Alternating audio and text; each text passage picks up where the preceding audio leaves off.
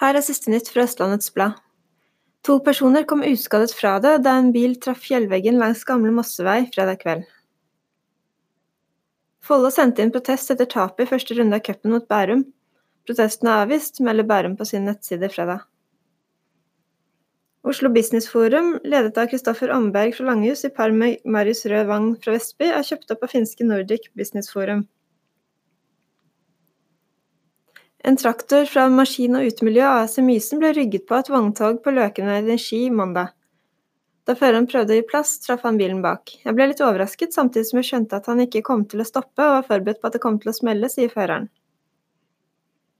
Fra mandag blir det redusert kapasitet på pendlerparkeringen på Rosenholm, som skal deles i to, slik at pendlere som skal parkere, skal slippe å passere den nye bomstasjonen som settes i drift 1.6. Siste nytt fikk da Birgitte Henriksen.